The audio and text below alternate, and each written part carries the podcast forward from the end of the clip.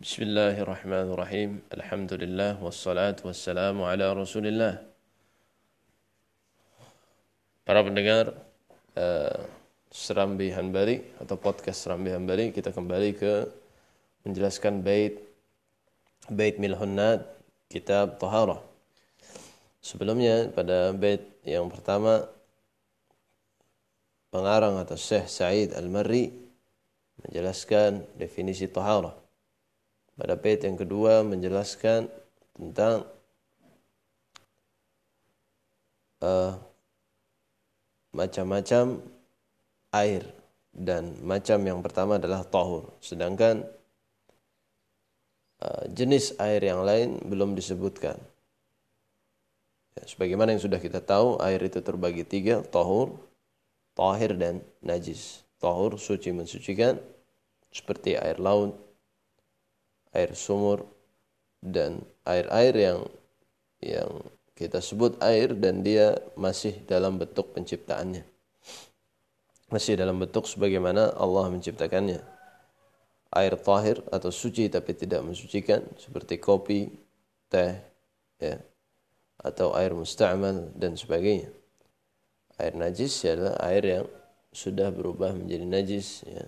Dan ada juga eh, jenis-jenis najis lainnya akan kita jelaskan di bait yang berkenaan dengannya. Pada kali ini uh, selanjutnya uh, Syekh Said ya, atau berdasarkan apa yang tertulis di kitab Zadul Mustaqni yaitu tentang penjelasan fungsi dari air tahur ya atau kegunaan dari air tahur.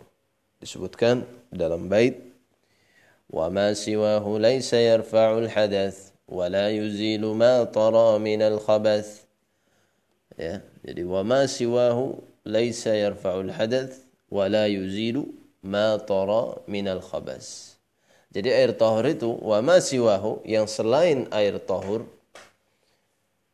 la yarfa'ul hadas tidak mengangkat hadas. Wa la yuzilu dan juga selain air tahur tidak yuzil ya tidak bisa menghilangkan matara minal khabas. Matara atau benda-benda ya tara ya minal khabas. Yang terkena najis khabas itu najis.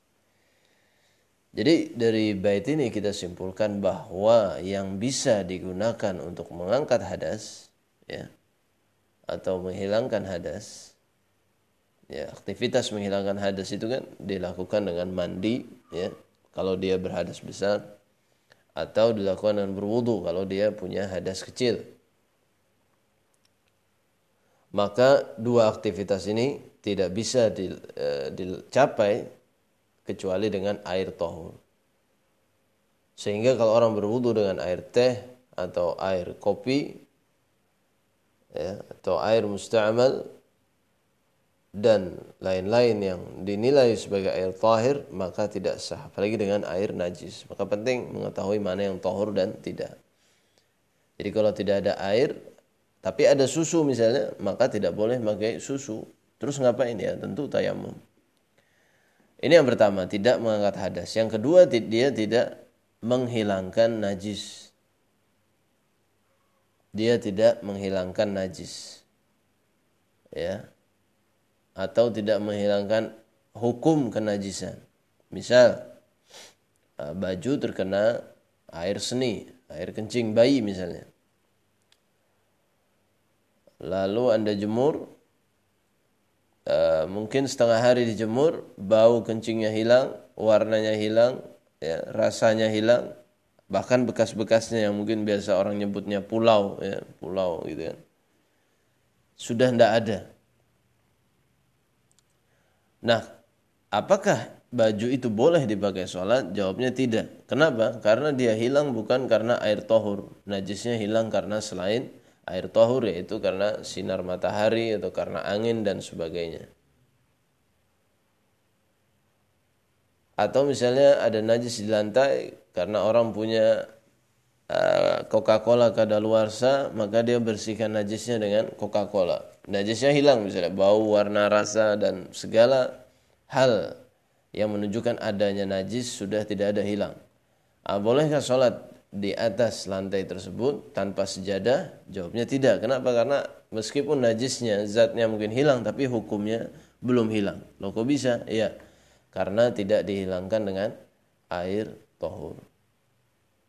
Loh terus gimana? Ya solusinya kalau sudah hilang dengan selain air tohur ya disiram saja lagi dengan air tohur. Dan itu ya sudah cukup ya kan. Uh, namun jadi itu simpulannya tidak bisa mengangkat hadas dan tidak bisa uh, menghilangkan hukum najisnya. Saya bilang hukum karena terkadang zatnya itu bisa hilang selain dengan air. Ya. Uh, dalilnya apa? Dalilnya banyak uh, hal-hal berkaitan dengan najis yang Rasulullah SAW memerintahkan sahabat untuk menghilangkannya dengan air. Seperti ada seseorang ya Arab Badui yang datang ke masjid lalu tiba-tiba buang air di salah satu sudut masjid atau sisi masjid. Maka Nabi memerintahkan untuk dibersihkan dengan air, untuk disiram dengan air. Ada lagi sahabat wanita yang meminta apa? E, menanyakan bagaimana cara membersihkan darah. Beliau memerintahkan untuk dicuci dengan air dan sebagainya ini ya. Jadi menghilangkan hadas atau menghilangkan najis harus dengan air tahur.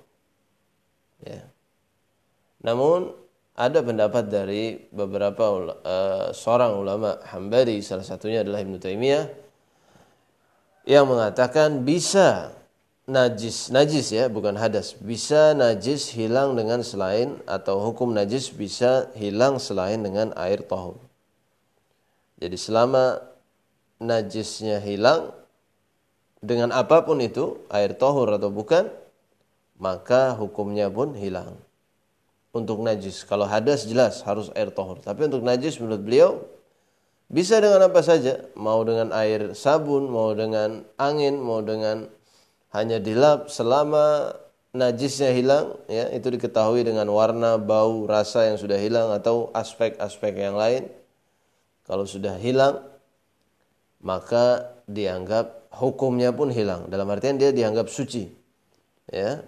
Misal di zaman sekarang mungkin di beberapa negara diterapkan laundry uap dalam artian membersihkan bajunya dengan tidak dengan uh, dengan selain air kalau seseorang punya baju yang najis ya lalu dia masukkan ke laundry tersebut Ah, setelah di laundry najisnya hilang tidak ada bau rasa warnanya meskipun bukan dengan air tohur tapi dengan uap maka baju tersebut suci menurut Ibnu Taimiyah. Kenapa? Karena najis ini beda dengan hadas. Hadas itu tidak bisa diindra. Kalau najis bisa diindra, bisa dilihat, bisa di apa tercium baunya dan sebagainya. Kalau hadas kan tidak, kita tidak bisa melihat. Bahkan kita tidak tahu mana yang orang yang berhadas dan mana yang tidak kecuali kalau kita diberitahu. Tapi kalau najis kita bisa lihat karena dia nampak, ya kan? Nah, jadi selama dia hilang karena dia sesuatu yang di, bisa diindra, kalau dia hilang ya sudah hilang juga. Baik eh, zatnya ataupun hukumnya. Ya. Uh, atau tadi orang membersihkan najis dengan air Coca-Cola, maka uh, kalau warna bau rasanya hilang, ya hilang ya hilang bukan karena dia tertutup bau Coca-Cola tapi betul-betul hilang dalam artian kalau tidak ada Coca-Cola pun dia baunya hilang misalnya ya semua hilang dan tanda-tanda yang menunjukkan adanya najis tidak ada maka ini sudah suci ya meskipun nanti cara membersihkan najis akan kita jelaskan di bab menghilangkan najis ya e, karena ada beberapa praktek yang salah dalam mengepel najis di lantai dan sebagainya apa dalilnya Ibnu Taimiyah? Karena menurut Ibnu Taimiyah banyak dalil yang menunjukkan bahwa najis bisa dihilangkan dengan selain air. Contoh, sahabat ketika berperang, mereka membersihkan najis darah di di pedang-pedang mereka hanya dengan kain, tidak dengan air tohur. Begitu pula Nabi menggesekkan uh, sendalnya yang terkena najis di tanah ya tanpa membersihkan dengan air tohur. Begitu pula wanita yang diperintahkan untuk menjulurkan pakaiannya. Ya, para wanita tersebut bertanya kepada Rasulullah SAW, nanti kalau kena najis bagaimana? Maka Rasulullah bilang, ya dia akan disucikan oleh atau dibersihkan oleh tanah yang selanjutnya. Nah ini menunjukkan eh, bisa najis dibersihkan dengan selain air. Ya. Nah mana yang lebih kuat? Tapi pandangan madhab hambali atau pandangan resmi madhab hambali Allah alam uh, tapi saya pribadi mengamalkan pendapat Ibnu Taimiyah ya. Tapi kalau ada yang menguatkan misalnya pandangan uh, Hambali dan itu juga apa namanya sebenarnya juga itu pendapat Syafi'iyah ya juga pendapat Syafi'iyah maka tidak masalah ya selama berpegang dengan dalil yang yang kuat dan eh, argumen-argumen uh, yang kuat ya karena perbedaan pendapat itu ada yang saik atau yang kita ditolerir untuk berbeda dan ada yang tidak ditolerir. Ini saya dapat saya sampaikan. Wassalamualaikum warahmatullahi wabarakatuh. Muhammad wa ala alihi wa sahbihi ajma'in.